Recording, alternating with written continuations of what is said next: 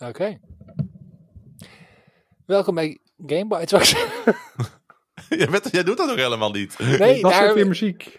Oh, ik start even een muziekje in. ik zit te wachten. Video, video games. Video, video games. Video, video games. Spelkost.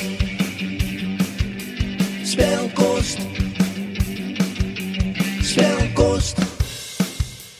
Welkom bij een nieuwe aflevering van Spelkost. Ik ben Erwin Vogelaar. Aan de andere kant zit een Harry Hol. Eh, Hiya papaya.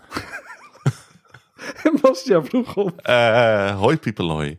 dit is, dit is, ja, ik had, ik had voorbereidingstijd willen hebben hiervoor. Ik heb nog nooit op mijn leven Haya Papaya gehoord. Nee, ik ook niet. Ja, wel, je hebt Origineel. Fire Emblem gespeeld.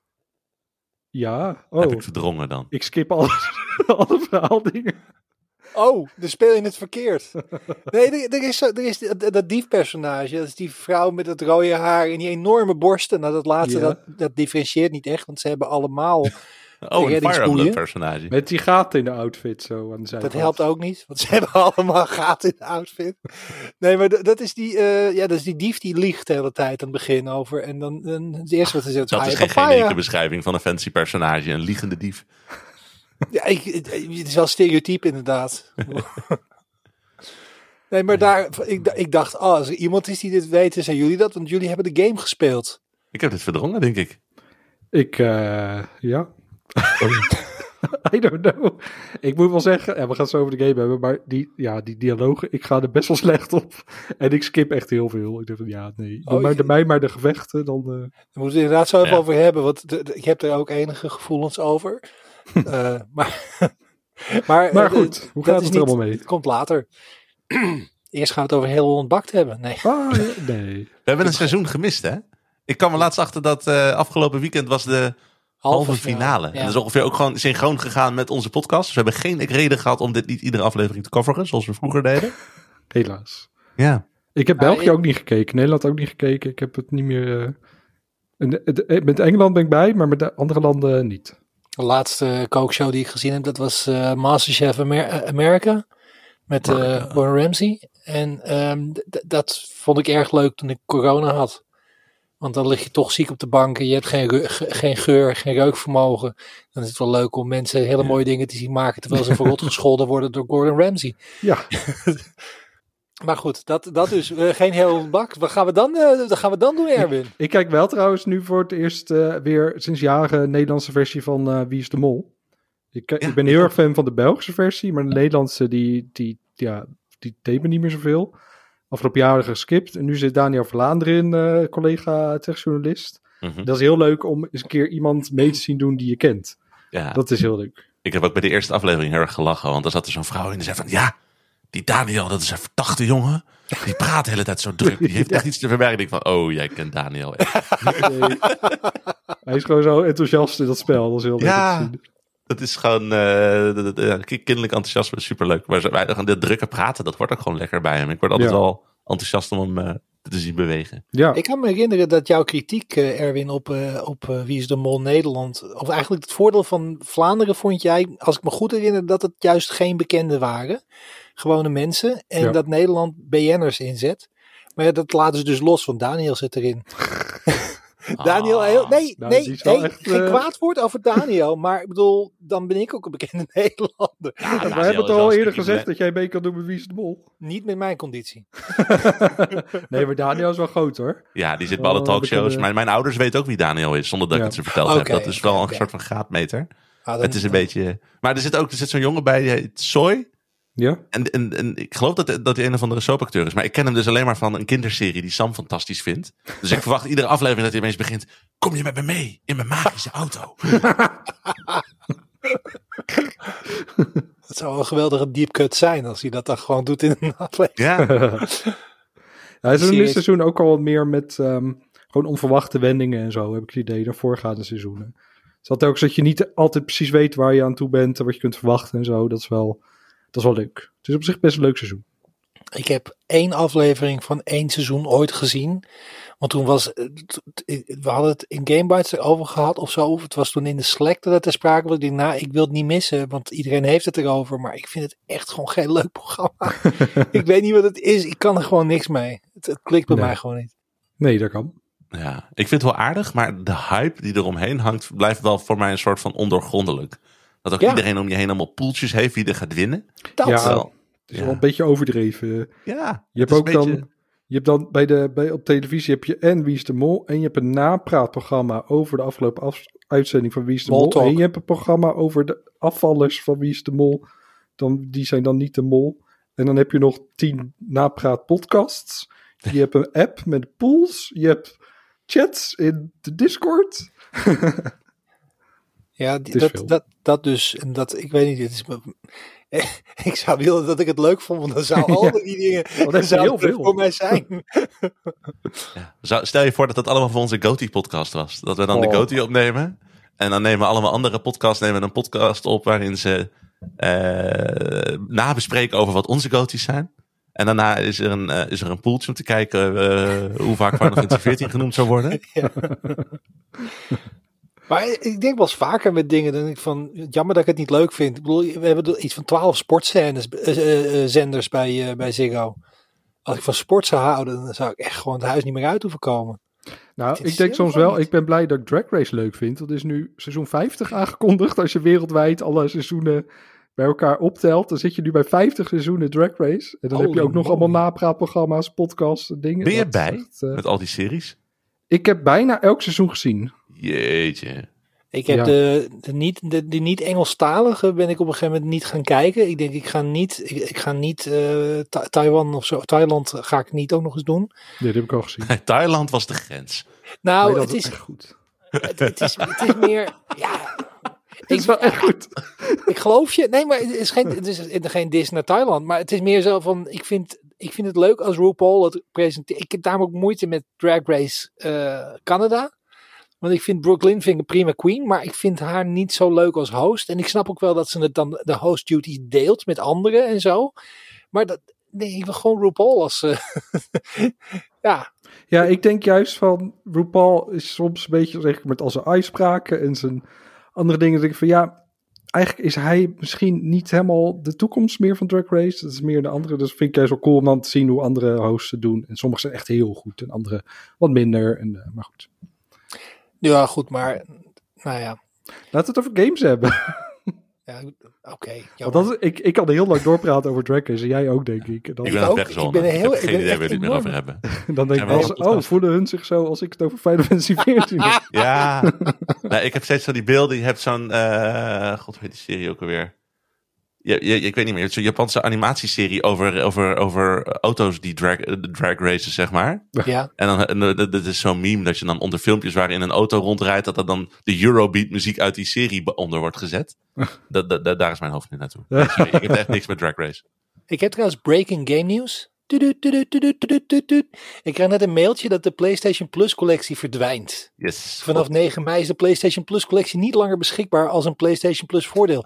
Voor wie niet weet wat het is, als jij een PlayStation 5 kocht, dan eh krijg je eigenlijk automatisch meteen toegang tot een reeks games die je gewoon aan je bibliotheek kon toevoegen en kon spelen. Best wel goede PlayStation 4 spellen zaten ertussen.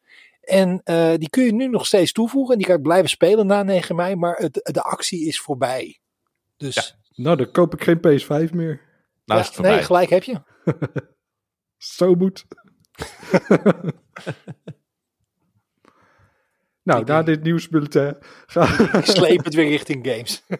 Ja, sorry, ik ben even aan het herstellen van dit eh, grote moment. Video, videogames. Laten we naar de, naar de wat, eh, wat, eh, wat hebben we gespeeld, Bas? Wat heb jij gespeeld? Ik heb eh Hi-Fi Rush gespeeld. Oeh, Ja! Wat is, een eh, verrassing. Sorry, ik, alles in mijn leven gaat op maat van de muziek. Nee, dit was echt zo'n gekke verrassing dat Microsoft had, eh, een weekje geleden hadden ze zo'n eh, Microsoft Direct, kunnen we het eigenlijk gewoon wel noemen. Ja, Waarbij ze gewoon bij hun leuk. eigen first party studio's gewoon even alle, al langs liepen van wat zijn we aan het maken, wat gaan we doen, wanneer komt het uit. was een leuke presentatie, vond ik. Ja, vond ik ook. Vooral van Microsoft heeft nog wel eens dat het zeg maar een beetje kan duren de hele tijd. En dit Ja. zit een lekker tempo in, kwam wel leuk nieuws uit. Allemaal devs aan het woord, leuk stijl en gewoon vijf games en een vloep. Nee, zeker. Vloep. En een van de dingen die er dus was, was van Tango, eh, zeg maar de studio van Shinji Mikami. Die heeft eh, aan Resident Evil is hij echt de grote man geweest. En Oh ja. eh, allemaal van die horror games heeft hij gemaakt. En Vanquish heeft hij ook een rol in gehad. En de nieuwe game van zijn studiootje, studio, is... ik moet niet opeens gaan denigrerend gaan doen, dat is heel raar. Maar de nieuwe game van zijn studio is totaal wat anders. En dat is Hi-Fi Rush. Dat is een soort van cel-shaded actiegame. Ziet er heel erg uit alsof het gewoon op de, de, de Dreamcast of de Gamecube kon verschijnen. Ja, En het, de gimmick is eigenlijk dat je alles op maat van de muziek beweegt. En je moet eigenlijk gewoon vechten op maat van de muziek. En dan krijg je extra punten en dan eh, doe je het beter en dan kun je weer verder. Ja. En dat, is, dat kondigde ze aan van, hé, hey, hier werken we aan. En eh, oh ja, trouwens, eh, vanavond kun je hem downloaden, gratis op Game Pass. hoe bizar is dat? Ja, Is toch vet dat dat is nog heel kan? Dat is wel heel tof. Ja, het is wel echt een leuke klapper was dat. En jij, bent jij bent er ook best wel diep in gegaan, geloof ik, Bas. Ja, ik zit ergens halverwege. Het is ook niet een hele lange game, hoor. Ik geloof dat je met een uur of acht of zoiets uit, eh, uit hebt. Dus je bent er gewoon een paar, als, je, Oh. als je een paar avonden doet, dan is het wel klaar. Maar dat is ook het leuke aan deze game. Ik bedoel, het is, het is echt een spel waarbij je denkt van, als ik hier... Bedoel, je kan hem wel kopen voor 30 euro op Steam. Ik bedoel, dat zou je kunnen doen. Maar als dat mijn enige optie was, en ik hoor van, nou, het duurt een uur of acht. ehm, het zit echt in zo'n speciale niche hoek met een beetje die cel-shaded stijl. Een beetje ook de aesthetic van Jet Set eh, Radio wat ze in. Jet Set Radio Future en zo dat het droegen. En, eh, Ja. en, en, en ook nog eens een keer dat je echt op de muziek moet spelen de hele tijd. Allemaal van die dingen denk van, nou oké, ja, klinkt wel cool. Maar je moet, het is wel voor een heel specifiek soort speler. Die dan zoveel geld moet over hebben voor zo'n korte ervaring. Ik zou het niet kopen, maar op Game Pass denk ik van, nou ik ga het downloaden. Ik ga het proberen. En misschien is dit ook wel gewoon echt een manier voor Microsoft om te kijken van, nou als we nou van die gekke zijprojectjes hebben. Het is een beetje zoals streamingdiensten hadden. Netflix is nu alles aan het cancelen. Maar die had ook echt zo'n tijd dat ze gewoon gingen ze, nou, weet je wat, we proberen wel of we een Castlevania animatieserie kunnen maken. Of weet ik veel wat. Dat, het voelt alsof Microsoft nu te kijken van, nou, misschien kunnen wij dat ook doen. Want het verkoopt misschien niet als los product, maar het voegt wel waarde en Game Pass toe. En het is voor iedereen gewoon winnen. ja. Het is zo'n charmante game. Ja, Animatie is Die fantastisch. animaties, de personages, de muziek, de, gewoon alles klopt aan die game of zo. Het is, ze weten heel duidelijk wat ze willen, wat ze doen, welke vibes ze hebben. En daar gaan ze gewoon vol voor. En dat is echt leuk.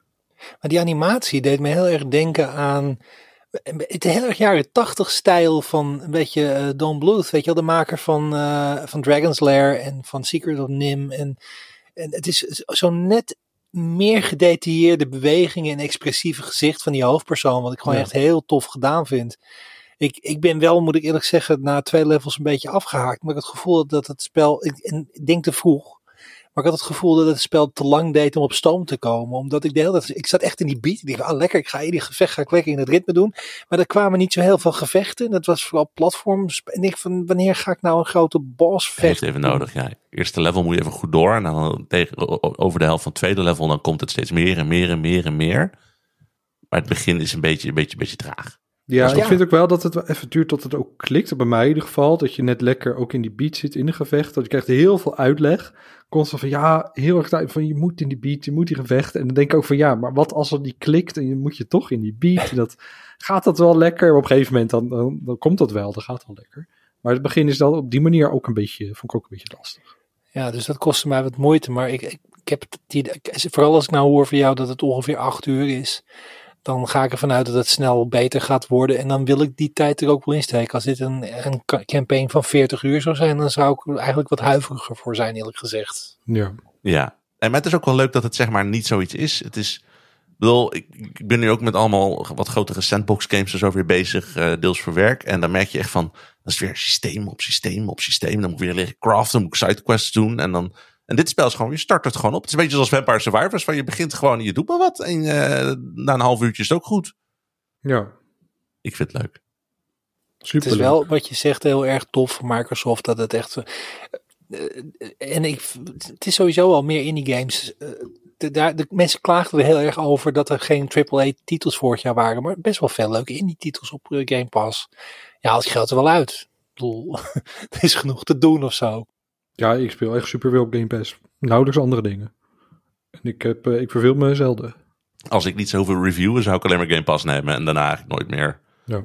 Ja, ik, heb dus ook, ik heb dus ook PlayStation Plus extra.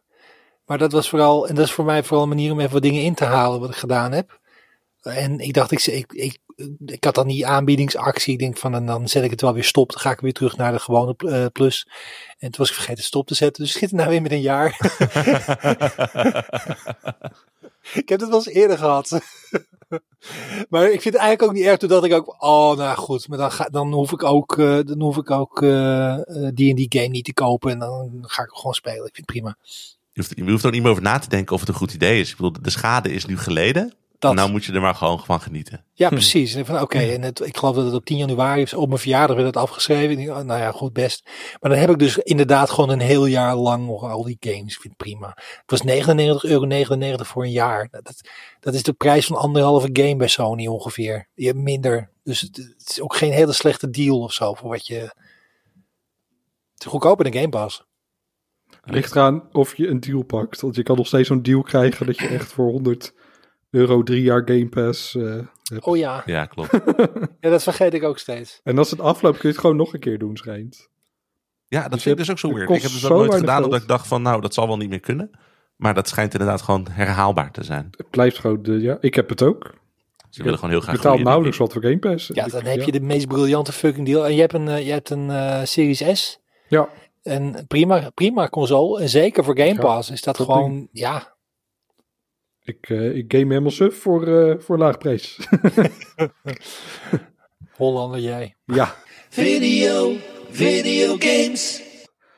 maar ik heb wel wel- ik heb weer een nieuwe game eh, full price gekocht. eh. Al van je eigen centen. Van mijn eigen, van mijn eigen zuurverdiende centen. Jeetje. Ja. Ik was dus klaar met eh Change Echoes op Game Pass. En toen had ik even niks. Heb ik even Final Fantasy 14 toch gedownload. En van, oh, dan kan ik tegen Bas zeggen van dat ik het heb gespeeld. maar ja, toen was het allemaal lastig met wachtwoorden en zo. En toen had ik eigenlijk al geen zin meer erin. En toen kwam bijna Fire Emblem Engage uit voor de Nintendo Switch. Die heb ik besteld. En eh, op release eh, kwam die, lag die in de brievenbus. Gewoon fysiek zelfs. Want dat was toch goedkoper dan, eh, een stuk goedkoper dan digitaal. Oh ja. Heb je de cartridge gelikt? Nee. Oké. Heb ik ook nog nooit gedaan.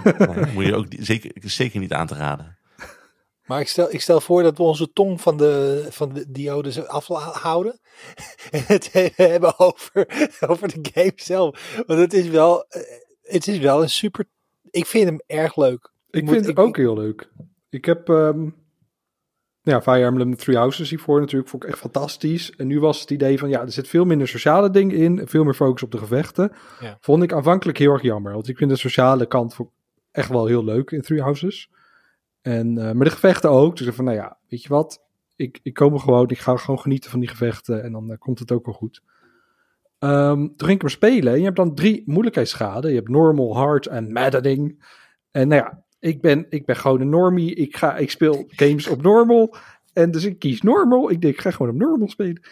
En ja, het was niet zoveel aan. Ik, elke, elk gevecht was gewoon je mannetjes vooruit duwen op aanval tikken. En dan lukte het wel. En ik was op een gegeven moment al in hoofdstuk 9. En van, ja, is dit het nou? Is dit alles? En bij, bij Fire Emblem is het probleem dat je wel de moeilijkheidsgraad naar beneden kunt zetten als je al bezig bent, maar niet omhoog kunt zetten. Dus ja, als je al ver bent en je denkt van ja, ik wil hem toch moeilijker, dan moet je helemaal opnieuw beginnen. Dus dat was een beetje het dilemma van ja, ga ik nou verder, speel ik hem dan uit, dan ga ik daarna eventueel nog een moeilijke, moeilijke moeilijkheidsgraad doen. Of begin ik opnieuw? En nu ben ik toch opnieuw begonnen. En ik heb zoveel plezier met de game nu. Het is, ik kan zo lekker zo'n uur lang met zo'n gevecht friemelen en, eh, en eh, alles proberen. Ondertussen een serietje aan op de achtergrond. En ik, ik, eh, ik geniet me helemaal de, de, de Ah, bal uit mijn broek. Dat is met de difficulty. Dat is dus ook iets wat in de NES-tijden echt superveel gebeurde. Dat je dan, eh, ik, weet, ik weet bijvoorbeeld bij Mega Man 2 had je dat. Die game werd in Nederland, of in eh, het Westen, had hij een normal en een difficult eh, modus. Maar die zijn gewoon gelokaliseerd van easy en normal uit het Japans. Dus voor de Japanners was het easy, voor ons was het normal. Ja. En wat voor ons difficult was, was voor hun gewoon de normal difficulty. Ja. Zoals zij gewoon gewend zijn. Want heel veel van die Japanse ontwikkelaars, daar hangt nog een beetje het stigma. En ik vraag me dus af of dat bij Fire Emblem ook het geval is. Of dat die gewoon wat laag in de, de difficulty zit. Maar er hangt een beetje het stigma dat ze in het Westen minder goed kunnen gamen. Was Zou best eh, kunnen Metal dat Gear dat Solid is. was het ook zo, hè? Met De, toen Ah. Metal Gear Solid in, eh, in het westen uitkwam, exact hetzelfde wat je nou beschrijft. Maar ik was er best wel een beetje boos over. Want ik voelde dat ik mijn tijd heel erg had, had verdaan, zeg maar. Want ik had er best wat uren ingestopt. En dan van ja, maar dit is niet wat ik wou, zeg maar. Als ze nou gewoon duidelijker waren geweest met easy, normal en hard, dan wist ik van, hé, hey, oh, ik begin met normal. En dan, eh, dan is het oké. Ik moet zeggen, ik ben dus gewoon op normal begonnen. En ik speel nog steeds op normal door. En ik vind het ook heel prettig. Ja, En ik vind het ook helemaal niet erg dat het allemaal niet. eh, ik moet zeggen dat ik af en toe nog wel kleine foutjes heb gemaakt. Maar ik realiseerde me later ook. En nu ik wat verder ben, denk ik hetzelfde als jij, Erwin. Dat ik denk van, ah, ik had eigenlijk misschien. Met de kennis van nu had ik hem misschien ook op moeilijker gezet. Maar dan had ik hem altijd nog een stapje terug kunnen zetten als het Ja. me te veel werd. Van die, die optie heb je dan wel. Maar ik heb eigenlijk er niet zo'n last van. Want ik ben ook heel erg aan het min-maxen in die eh Somiel de hele tijd. Ik ga ook ieder gevecht ga ik weer terug. Ik doe dat is de basis waar je alles regelt voor, eh, voor de mensen. ja, sorry, dat is het, het, het kasteel in de lucht waar je eh, een, een, een minimum aan sociale interactie hebt. En waar je dus. En ik ben dus ook door al die skirmishes die dan oppoppen de hele tijd. Want ik had begrepen dat als je dat niet doet, dan kan je je secundaire characters niet zo goed levelen later. Dus, dus ik ben er, ik, ik doe er echt. Doe ik ben nu al ma- majorly overpowered volgens mij. Maar ik vind niet erg. Het speelt gewoon lekker. En het is, en het is weer die. Voor mij is dit de Fire Emblem zoals ik hem vroeger kende. Want dit, weet je wel, het is verhaaltje, lang gevecht. Verhaaltje, lang gevecht. Dan heb je op een gegeven moment een, een backlog van, van social eh, gesprekjes. En dan zit je gewoon een kwartier naar een hele slechte anime te kijken. Dat al die animaties, dat ze, dat ze aan het praten zijn. Oh ja, ik heb nu hele sterke thee eh, uit een bergdorpje gezet. Vind je die thee ook zo lekker? Ja, maar ik vind het wel moeilijk dat ik nou... En dan denk ik van, het, gaat nergens over. Nee. Het gaat Het nergens is over. echt heel slecht. Terwijl Three Houses grappig. en eh, ik geloof echt zowat iedere Fire Emblem voor deze had voor mijn gevoel wel een soort van identiteit en een soort van worldbuilding en gevoel van ik zit ergens in. Maar deze game is zo identiteitsloos en het is gewoon, oh, het is gewoon. Het Ze gooien en allemaal het er personages op je it. af. Ja, en, En het- allemaal ringen. En, en het lastige aan deze game ook. Wel, Engage rust heel erg op het idee van oude helden die je dan hier in die ringen en zo hebt. Het is echt Ja. gewoon een, een, een, een, een, een, een, een fanservice game. Terwijl wij in het Westen, wij kennen Fire Emblem. De meeste mensen kennen Fire Emblem uit Super Smash Bros. Ja, En de maar- games die daarna misschien zijn uitgekomen. Al die oude Ja. gasten, we hebben geen idee wie dat zijn. Maar het, alles rust erop. En daarnaast is het inderdaad een soort van platte shit die niet heel spannend is qua verhaal. ik vind het Hebben ook heel stom Fire dat Emblem het, Heroes gespeeld? Oh, sorry Erwin. dat het hoofdpersonage, eh, de, de speler, is de Divine Dragon. Ja. En dat vind ik zo stom. Elke keer die gesprekken, dan komt een nieuw personage van... Hoi, ik ben Harry. Dan, oh, ik ben de Divine Dragon. Dat is heel, heel formeel en heel raar. Echt onnatuurlijk ook. Elk gesprek weer. Oh, I'm the Divine Dragon. Ja, en die, die tweeling, die, ik bedoel, serieus, als die een, een, een, een recording hadden gehad, dan zouden ze een podcast hebben gemaakt over de Divine Dragon. Die super fanboy Ja, girl, eh, die, die dan ook pamfletten willen gaan uitdelen over de schoenmaak van de maat van de Divine Dragon. Dat zijn van die social link filmpjes die dus ook nergens op slaan. maar, eh, Maar- Fire Emblem Heroes, dat was Ja. die Di- Dynasty eh, game, toch? Die, eh, Ja. Die gacha game is dat. Oh, de gacha game. Oh, Oh, is er was ook eh, een. eh, er was toch ook een, een, een Dynasty Warriors game, Fire Emblem? Of- ja, dat, Ja, dat klopt. Er was ook een Fire Emblem Heroes. En die vond ik dus volkomen ruk. Want dat is namelijk gewoon druk op X en wacht Ja. tot alles dood is. Maar deze, wat ik mer, hoe meer ik verder ik in Fire Emblem Engage zit, hoe meer ik merk dat dit bijna de AAA echte versie is van Fire Emblem Heroes. Want die draait om dezelfde manier om die Ja. helden van het verleden. En bij eh, Heroes heb je het gacha element van dat je eh, je helden via orbs moet inwisselen. En hier heb je dat met die ringen. En eigenlijk vind ik dat wel grappig dat ze een, een gacha systeem in een AAA game hebben gestopt zonder microtransacties. Wat ik eigenlijk erg leuk en relaxing vind. Ja. Ik loop nu wel tegen een probleem aan. Ik, ehm, je had het net al over die skirmishes. Die kun je dan doen tussen de verhaalmissies door om extra ervaringspunten te verdienen of extra geld te Mhm. verdienen. En dat is Resources. resources. Heel leuk gevechten is inderdaad. Ga je gewoon op zonder verhaal in een gevecht. Ga je lekker mee kloten. Die gevechten zijn nu voor mij opeens veel te moeilijk geworden. Ehm, ik kan dan op een half uur bezig en denk van ja, dit, dit is gewoon onmogelijk. En dan moet ik gewoon stoppen. Dan een half uurtje weg. Ehm, en ik dacht van ja, ik moet iets fout doen. Wat, wat, wat, wat doe ik nou fout? Want ik kan, dit kan gewoon niet. En je kan dan niet verschillende moeilijkheidsgraden kiezen. Dus het wordt telkens moeilijker. Dus ik ging even googlen. Blijkt nu dat die levelen met je hoofdpersonage. En mijn Oh, ja. hoofdpersonage, ja. die moet elk gevecht mee. Als die doodgaat, dan is het game over. Dus ik denk van, nou, ik moet wel alles op dat hoofdpersonage zetten. En nu is mijn hoofdpersonage hoog level. en de rest van mijn personages niet. En die kunnen nu niet meekomen met die skirmishes. En die kan ik ook niet uplevelen door skirmishes te doen. Dus nu zit ik een beetje vast op dat vlak. Nu ga ik mij wel even storten op die, die verhaalmissies. Kijken hoe ver ik daarmee kom. Maar anders moet ik hem weer moeilijk of makkelijker zetten. Maar ik vind Ja. dat wel, ja, ik, er wordt niet uitgelegd. Dus ik speel gewoon. Ik denk, ik doe het beste wat, wat, wat voor mij eh, het, het, het, het lo- meest logisch lijkt. En dan loop je op die manier opeens vast. Omdat net een bepaalde statistiek wordt meegenomen in de moeilijkheidsgraad die je dan niet door hebt. Dat is wel. eh, Nou, ik, ik kwam daar dus ook achter, want ik deed, op een gegeven moment dacht ik van, met die skirmish, ik, dit is ook mijn kans om eventjes die ringen even rond te, eh, te husselen bij mijn lagere personages en zo. Dus toen had ik eigenlijk mijn B-team, had ik, en toen had ik dus hetzelfde. Toen had ik echt een gigantische difficulty spike. En toen dacht ik ook van, oké, de volgende keer moet ik dus één personage, maximaal twee, moet- die wat lager zijn, moet ik Ja. inzetten. Voor de rest met een E-team blijven. Dus je moet, en dan duurt het wel weer langer voordat je alles hebt geleveld. Maar je kan niet zomaar eventjes al je, je mindere personages even in een skirmish omhoog zetten. Wat nee, wel nee, ik kan helpt. het niet eens met mijn hoofdpersonage nu. Niet. Nee. Ik Oh. kan echt mijn beste team kan niet meer. Holy. Ja, Oké, nou goed, dan, dan weet ik het ook niet. Ik, ik weet dat ik bij mij, dat op mijn difficulty was dat dus een overkombaar ding nog. Maar ik zit nou bij eh, hoofdstuk 10. Ik, dus ik ben niet zo heel veel oh, verder. ben boos ik 14 nu ongeveer. Ik ben nou in dat, eh, zonder enige spoilers, maar dan is er een gevecht en dan wordt er van tevoren gezegd van er komen nu meerdere gevechten achter elkaar. Oh, die is leuk. Ja, en er is best wel heel erg goede anime drama zit er in die, eh, in die scènes met eh, allerlei relaties. En Ja. ik, wil geen spoilers geven, maar het is gewoon echt, het is dat- ik vind het erg tof. Ja. Ja. Ja, dus eh, ik ben benieuwd eh, hoe, eh, hoe lang ik het op hard gevoel hou. Anders moet ik maar weer terug naar normal. Maar is ook niet erg. Er is niks, mis, is niks mis mee, moeilijker, eh, makkelijk, makkelijker.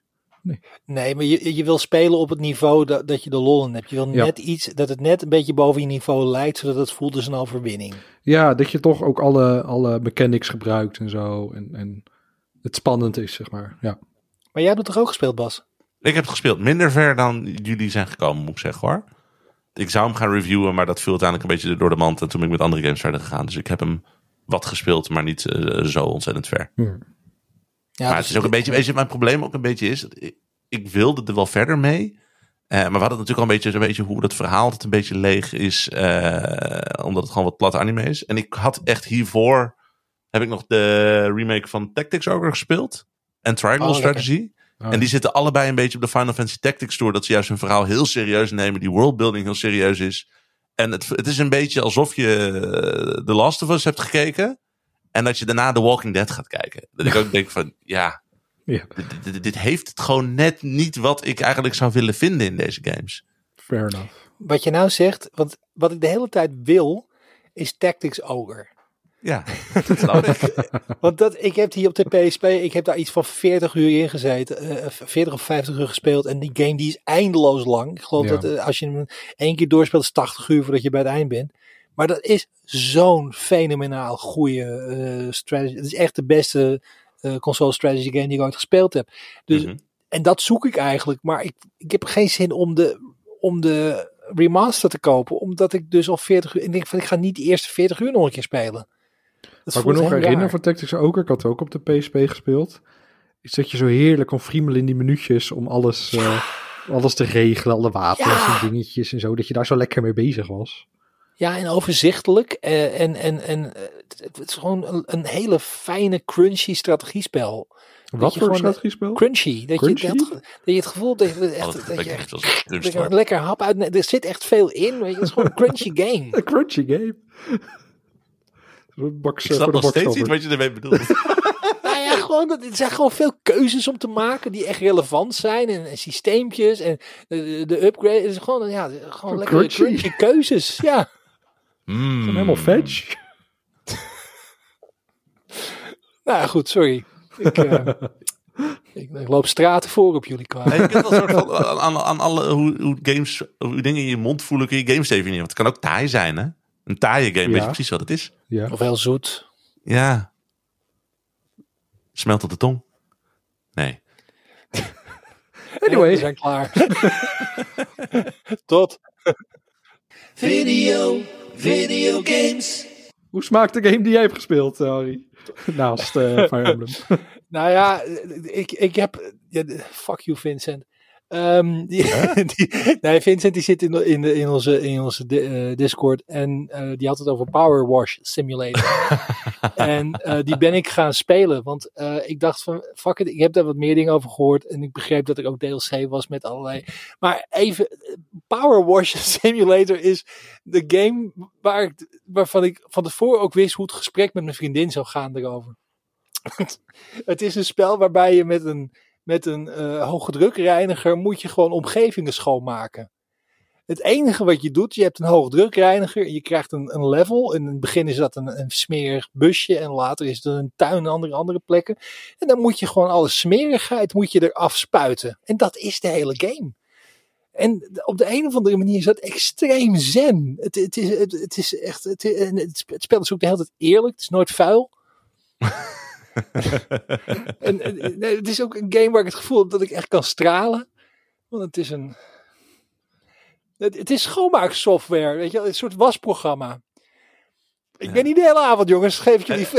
heb, je de, heb, je de, heb je de Craft Manor DLC Ik moest daar zo op... Ik kreeg de persbericht van, what the fuck. nou, Samenwerking tussen Power... Hoe heet het? Power, Power Simulator Ja. en Tomb Raider. Maar weet je dat er een, een, eh, ook een DLC komt met dat je Midgar uit Fantasy 7 kan gaan schoonmaken? Sure. Nee, ja, sorry, je als kan. die stad schoon is, dan is er ook gewoon geen verzet meer, toch? Dan, is, dan denken ze ook van, nou, het is hier eigenlijk best wel oké. Ja, maar het is, Trek lekker die, eh, die livestream maar uit de aarde, hoor. Ik zie het probleem niet. Maar pro- probeer, het, het- probeer je voor te stellen, je hebt gewoon een hele vieze eh, schutting. En dan heb je een hoge drukreiniger. En dan ga je gewoon baan voor baan maak je dat dan schoon. Ja. Ja, sorry, dan kan je hem opvegen. Ik vind Ik- het gewoon echt heel relaxed. Ik heb laatst dus voor mijn verjaardag heb ik een eh, hoge druk eh, reiniger gekregen. Ik ben oprecht Oeh. zo ontzettend blij daarmee gewoon aan de slag gegaan. Je hebt gewoon real life Power Simulator. Dan ga je echt zoeken van, oké, wat kan ik nu doen? Wat kan ik nu doen? En dan, maar dat is-. Ja, maar dat is, en dan heb je en die gameplay. En, en, en je tuin is daarna bijvoorbeeld gewoon schoner. Stel Nou, je maar voor. dat, kijk, nu komen we op het essentiële punt. Dat, dat, dat- mijn vriendin die kwam even mijn werkkamer binnen. En die want ik moest even zitten wachten tussen twee telefoontjes. Dus ik had Power Simulator even aan. En ze zegt, wat doe jij nou? Ik zeg, nou, ik heb hier een hoge drukreiniger. En dan ben ik dus aan het schoonmaken. Toen zei ze, dat kan je ook in de huiskamer doen hoor. Ik zei, ja nee, maar iedere keer als ik een stukje heb schoongemaakt, dan hoor ik. Toen zei ze, dan doe ik dat wel. Dan ga jij stofzuigen en keer is een stukje klaar. Dan zeg ik wel ping. Ja, ik vind wel, als zij zegt van dat kan je in de woonkamer doen. Ik, je moet haar bluff ook gewoon callen en met een hoge drukreiniger je woonkamer gaan schoonmaken. Dat was dus letterlijk mijn reactie. Want daar, dit was het meest voorspelbare gesprek ook. Ik zeg, ja, maar dat is een stofzuiger. Dit moet met een hoge drukreiniger. Anders is het niet leuk. Stofzuiger Snap heeft toch ook niet, die, dat, dat is- heeft niet dat voor-na-gevoel. Ja, dan, Ja, dan dan moet is het er heel ergens een stofje zijn. een beetje verdwenen. Maar dat, voel, dat zie je niet zo. Dat werkt pas als het dus- heel goor is. Dat er zo'n Ja. laag stof ligt van Ja. een centimeter. Dan, eh, nou, dan Als je drie keer moet dweilen en je dan ziet, ja, dan, dan wordt het leuk. Maar ja, dat, om daar zo lang te wachten, dat is ook weer zo ongunstig. Maar, dat, maar, dat, maar dat is dus. Dat is dus de, de, de- ik merkte op een gegeven moment ook. Ik was, ik begon te spelen. En ik merkte dat ik zo. Weet je, zoals je in een, als je in een slechte comedy-serie ziet dat iemand in een, in een gesticht. eh, eh, een spuitje heeft gekregen. Dat je zo. Ik ging echt zo. Ik ben echt, een- soort endorfine. eh, dat, dat je de hele tijd bezig bent met dat schoonmaken. En het werd zo relaxed. Af en toe kwam er een soort bewuste gedachte opborrelen. Zo van: waarom doe ik dit? Oh ja, het moet schoon. En ik, ik betrapte mezelf erop dat ik denk van oké, ik moet nu eigenlijk weer wat doen voor mijn werk. Ja, maar eerst moet ik even die barbecue schoonmaken. ja, ik heb de barbecue schoon. Eigenlijk het, het stoepje eronder moet ook eventjes. En in het begin, dat vond ik, dat, op een gegeven moment dacht ik van, want er zit een soort systeem in en er moet zoveel het moet 100% schoon, maar die game rondt af op een gegeven moment. Weet je wel, dat niet ieder vlekje blijft hangen. Maar in het begin vond ik dat kut. Want dan, dan zie je een vlekje wat je nog moet. En dan heeft de game geregistreerd dat je alles hebt. En dan is het opeens pling, klaar. En dan verdwijnt dat vlekje zonder dat je dat zelf hebt schoongemaakt. En in het begin ben ik er heel OCD over. Op een gegeven moment dacht ik van, wat ben ik blij. En het laatste stukje wordt voor me gedaan. Het is één groot, het is gewoon een heel clean design. Erwin, Bas, eh, ik weet het niet meer. Ik vind het fijn dat je ervan geniet. eh. Ik moet straks in de montage ook gaan denken van, ga ik deze ongemakkelijke stilte laten hangen? Ja. Of heb ik iets Ja. van, ja, maar je moet niet zo lange stilte in de auto hebben als je zit te luisteren. Oh, Terwijl maar deze stilte was heel mooi. bij, bij kan ook audio. langer maken, gewoon een minuut. Kijken hoe mensen erop reageren. Dat je zo spuit op de achtergrond. Nee, maar het, het is en het, het grappige, er, bestaat, er bestond een game. Ik heb het nog even opgezocht, want ik, ik wist dat ik wist de titel niet meer, maar dat was Visceral Cleanup Detail. Ja, die hebben we nog voor de Game Bytes YouTube kanaal. Heb ik daar een let's ja. play voor gemaakt. Dat is waar, ja. Oh, ja, want dat, dan, moest je, dan, dan had je dus een level van een ruimtestation waar Ja. een, een gevecht, een soort Doom level. Ja. En dan moest je daar de, de troep van opruimen. Maar Ja. die had ook DLC met, met, met games die eh, bestaan hadden. En ik weet niet meer precies wat het was, maar er, wa- er was, er was, ehm, was nog een ander, ander spel waar ze hetzelfde mee gedaan hebben als Power Wars Simulator met het huis van Lara Croft. Maar welke game zouden jullie willen schoonmaken? Welke gamewereld? Oh. Nou, The Last of Us misschien. Ja, zeker. Een boel, eh, Anti-schimmelreiniger. Dat is- Oh, probleem opgelost. Hoppatee. Resident Evil. Ah, geen schimmelreiniger. Wat Oh. het belooft. Deze podcast wordt mede mogelijk gemaakt door HG Schimmelreiniger. Oh ja, eindelijk. We hebben de sponsor. Het werd tijd. Het werd, eh, ja, Maar het, het is, het, weet je, dit is ook weer, dit is ook weer de power of Game Pass. Want er was no fucking way in hell. Op geen enkel universum waarin ik deze game had gekocht. Dat geloof ik niet. Ik ook niet. Ja, Oké, dat in de aanbieding. Nee, maar, het, nee, Nee, maar, maar dit het is, ja, je gaat het wel sneller proberen. Je ziet een filmpje op de Discord en je van, oké, sure. En dan is het leuk. En, Ja. en ik, ik, ik had ook echt zo van. Dit is eigenlijk gewoon precies wat ik even nodig heb. Gewoon even, even, even, even eh, eh, eh, schuur schoonmaken. Maar dit is dus ook co-op, dat je samen kan eh, sluiten. ja, jongens, log even in. Met We gaan zo meteen samen dit? Even. de-? Sorry? Met hoeveel spelers kan dit? Ik hoorde zes, maar ik weet niet of dat Oh. klopt. Ik, ik ben er wel voor. We kunnen dit ook gewoon gaan, stre- eh, gaan streamen of zoiets hoor. Gewoon lekker een avondje pakken. Lijkt me hartstikke leuk. Ik, eh, ik ben er helemaal voor. Ik, het, het, is- het is gewoon zo, het is, het is zo stom. het Ik is vind zo het leuk. leuk. Maar ik kan me niet inhouden met de seksuele innuendo's, denk ik, als we daar met elkaar gaan zitten te spuiten. Joh, ik, ik, ik heb me ingehouden, maar het, het- het- Vond het leuker dan Harry, oh, Harry's grapjes tot nu toe trouwens hoor. Maar eh, Dank je. misschien zegt dat meer over mij dan over de grapjes. nou, ik denk dat Erwin die gaat dadelijk voor de sop scoren. Geef toe! Oh, Never voor de mind. sopscoren wordt dat de titel. De sopscoren. Goed, we gaan naar de actualiteit. Video, videogames. Die lengte van een half uur redden we al niet meer, dus we gaan gewoon lekker door. Zit hier morgen nog? Maar we hadden het al over werelden die we graag eh, schoon willen spuiten, zoals die van The Last of Us. Laten we daar dan even mee beginnen, want ehm, we hadden de vorige podcast hebben we het al gehad over de serie Last of Us. Die hadden we het eerder opgenomen. Bas had al eh, vroeg eh, versie van de serie gezien met, met giraffen met ballonnen. En ehm, nu is de serie helemaal bezig. Er zijn drie afleveringen uit. Eh, en het tweede seizoen was al na aflevering 2 bevestigd.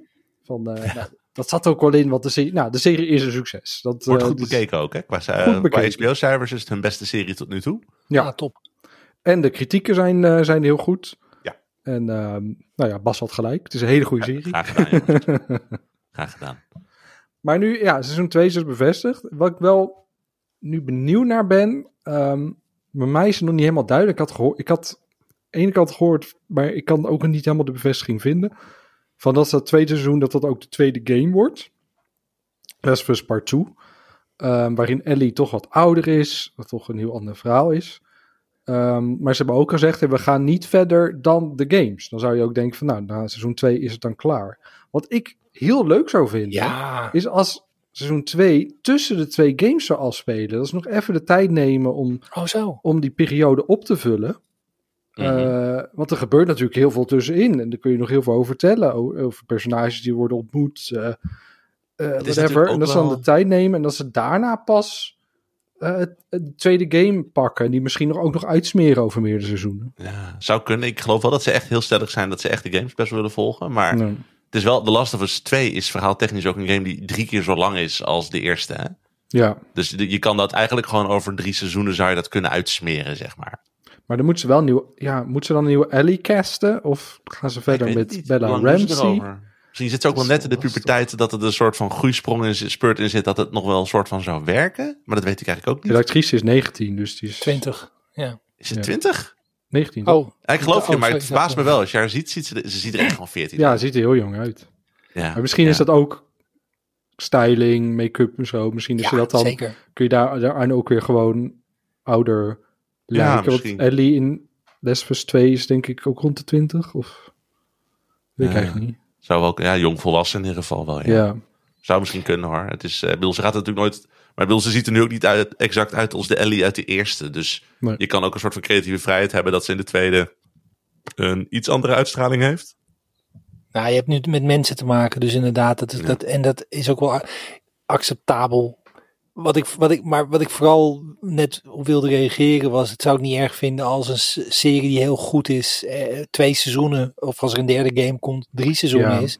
En dat ze dan ook zeggen van, we gaan het niet, we gaan niet, we gaan het niet Game of Thrones doen of zo. En dat, dat was een vergissing. Om proberen dat ze meer te Ja. doen dan de schrijver had gedaan. Ik bedoel, blijf dan alsjeblieft gewoon trouw aan het materiaal. Ja. En dan is het ook klaar. En doe dan wat nieuws. Ja, is het team wat het gemaakt heeft. Sorry, wat zeg je? Ja, dat is inderdaad het lastige ook aan series. Omdat er is altijd die drive van we moeten meer maken, want het is succesvol. Of eh, dus de, de deur wordt altijd opengehouden. Dus bij Net- Netflix had ook die eh, 1899-serie. Ik heb hem Ja. zelf nog niet gezien, maar werd heel goed ontvangen. En is toen Ja. direct gecanceld. Maar wel kennelijk een soort van semi-open geëindigd. Omdat ze natuurlijk zelf graag een tweede seizoen wilden maken. Ja, ik Ik heb hem helemaal een soort gezien. van. Ja, lastig hoor. Ik bedoel, Watchmen deed het wel heel goed. Je had gewoon één seizoen. Ja. En die gast had ook iets van, Oh, nou, is, het is best zo. En dat maakte die serie ook weer Dat fantastisch. was zo goed. Oh. Oh, Er was een, er was, er een serie die, die eh, speelde zich af aan boord van een ruimteschip. Een soort generatieschip. En ik weet even niet meer wat de titel ervan was. Die heb ik op Netflix gekeken. En dat was een geweldige science fiction serie. En een fantastische onthulling en een cliffhanger in de laatste aflevering. Dat Alles letterlijk op zijn kop werd gezet. Echt een van de meest fantastische sci-fi momenten ooit. En toen hebben ze de serie gecanceld. Was het een campy-serie of was het een hele serieuze Nee, serie? het was een serieuze goede serie. Oh, oké. Want ik weet, eh, Dark, Dark Matter had dat ook. En die vond ik zelf heel leuk, maar die was niet heel erg goed. Nee, dit, dit heette niet, dit, eh, hoe heet het nou? Niet Ascendancy of zoiets, of, of Ascension. Iets in die zin was het. Volgens mij Ja. Ascension. Maar- Maar het, het, het, begon met, zeg maar aan boord van een schip waarin eh, de, de hele bemanning, eh, een generatieschip, dus die waren 45 jaar geleden waren die vertrokken en deze Ja. waren eigenlijk de tweede generatie. Dus die, en die gingen dan naar Alpha Centauri en nou, eh, de dingen Ja. die je dan hebt met een kolonieschip. En dat was een fantastische serie, echt zo ontzettend goed. En ja, toen de grote onthulling kwam, en die was echt mindblowing. Echt, echt Matrix niveau mindblowing.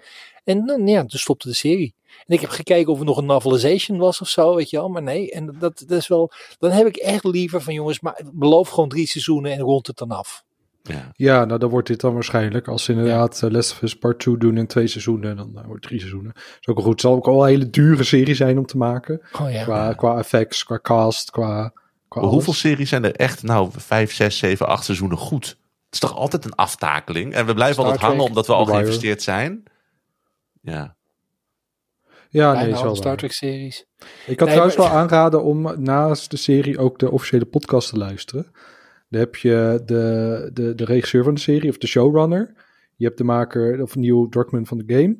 En je hebt Troy Baker, die host de podcast. Die was Ach. dan Joel in de game. Dus je hebt drie perspectieven van en een fan, de maker van de game en de maker van de serie. En dan gaat het heel erg over de keuzes die ze maken. En ehm, de aflevering drie die de meest afwijkt van de game. Eh, hele goede aflevering. eh, fantastisch. Heel erg losstaand. Eh, maar dan, als je die podcast luistert, dan krijg je ook heel veel mee over die beslissingen die ze daarin hebben gemaakt. Waarom ze die hebben gemaakt. Hoe dat tot stand is gekomen. En dat, is, ja, echt, dat voegt heel veel toe. Dus dat, die gaat ik er gewoon aan om ook te, te luisteren. ja Kijken hoe die, hoe die ook alweer heet. Die heet... eh, oh, The Last of Us podcast. Ik weet niet of ik dit kan onthouden. ik zit trouwens wel, ah, mocht je nou om een of andere reden nog on the fence zijn van, ah, moet ik dit nou wel kijken? Ik weet niet het wat voor mij is. ja, of ik heb de game al gespeeld, Ja. toch? Ja. Ik zou, als je, als je het op een, je kan sowieso de pilot lekker kijken, simpel. Maar als je echt nog denkt van, nou, ik twijfel, gewoon alleen aflevering 3 kijken. Kom daarna in de Discord, kom vertellen waarom we gelijk hadden en dan kijk je gewoon lekker verder. Eerst huilen en dan... eh, Eerst huilen, dan, Ah, ja. dan in de Discord. Mag ook bij ons, is geen probleem. We hebben een soort van eh, therapeutische eh, situatie daar. Oh ja, en de serie waar ik het net over had, die heet inderdaad Ascension. En Het waren zes afleveringen. En het was een, een sci-fi original, dus niet eens een Netflix-serie. En die Mhm. is dus, eh, Maar goed, eh, dat, ik wou het even, eh, even noemen nog, omdat ik ik vind het irritant als ik een serie niet goed heb benoemd. Maar het is Ascension. Video, video games. Wat heb jij meegenomen, Harry? Ehm, ik eh, ben begonnen met Colossal Cave VR. En het is heel lang geleden dat ik een VR-game gespeeld heb. En dit was vooral omdat er nou twee dingen samenkwamen die best wel een groot onderdeel van mijn eh, eh, game nerdheid zijn. Nou, Colossal Cave, dat was de allereerste text adventure. Dat heette toen nog gewoon Adventure, maar dat speelde zich af in een grottenstelsel dat Colossal Cave heet. Waarin je, het doel is heel simpel, je moet schatten verze- eh, verzamelen, die moet je terugbrengen naar het huisje. En voor alle schatten die je dropt krijg je punten. En als je alle schatten hebt verzameld, is er nog een soort eindspel wat je moet spelen. En ik heb de game in tekstversie ooit uitgespeeld. En daar heb ik 15 jaar over gedaan. Want het is een fucking moeilijke game. Maar echt, eh, die, die heb ik, toen, toen ik, eh, ik ben ermee begonnen toen ik een jaar of 11 was. Toen was dat veel te moeilijk voor me. En later heb ik, toen ik in de, de, de eh, interactive fiction, fiction dinges eh, wereld zat, ook heel, toen heb ik hem uitgespeeld. Dus dat is echt zo'n spel, een van mijn eerste game ervaringen waar ik heel veel liefde voor had. En toen kwam dus Roberta Williams van eh Share Online. Die eh, heeft een remake gemaakt in virtual reality. En trouwens ook in gewone. eh, hij is ook voor de Switch volgens mij uit. En PlayStation en eh, weet ik het allemaal. Maar ik heb op de quest. Ik denk van oké, dit is eigenlijk de droom. Van ik ga nou die tekstwereld. Kan ik nou zien met eigen ogen. En dan ga ik dat avonturenspel spelen. Zoals ik me dat altijd heb voorgesteld. Wat een teleurstelling. Nee. Nou, er zijn een aantal dingen mis mee. Om te beginnen, ehm Colossal Cave, de- die, die text adventures, dat, dat, dat was de interface. In de zin van, er waren gewoon geen graphics kaarten en er was geen goede. de- Dus dan, de computer zei gewoon van, oké, je staat voor een huisje en er is een deur en er is hier grasveld naar het oosten. Wat doe je? En dan tik je in wat je gaat doen, want de computer kon niet meer dan dat. Dat was het hele idee. En wat ik zo tof vond van text adventures is dat je dan dus eigenlijk een soort simulatie hebt, een soort virtual reality van de wereld, waar je op die manier doorheen gaat.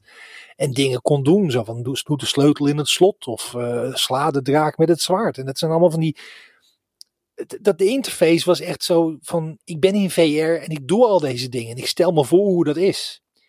Nou, en dit is gewoon een fucking mistkloon dat je voorwerpen aanklikt en dan in je inventaris hebt.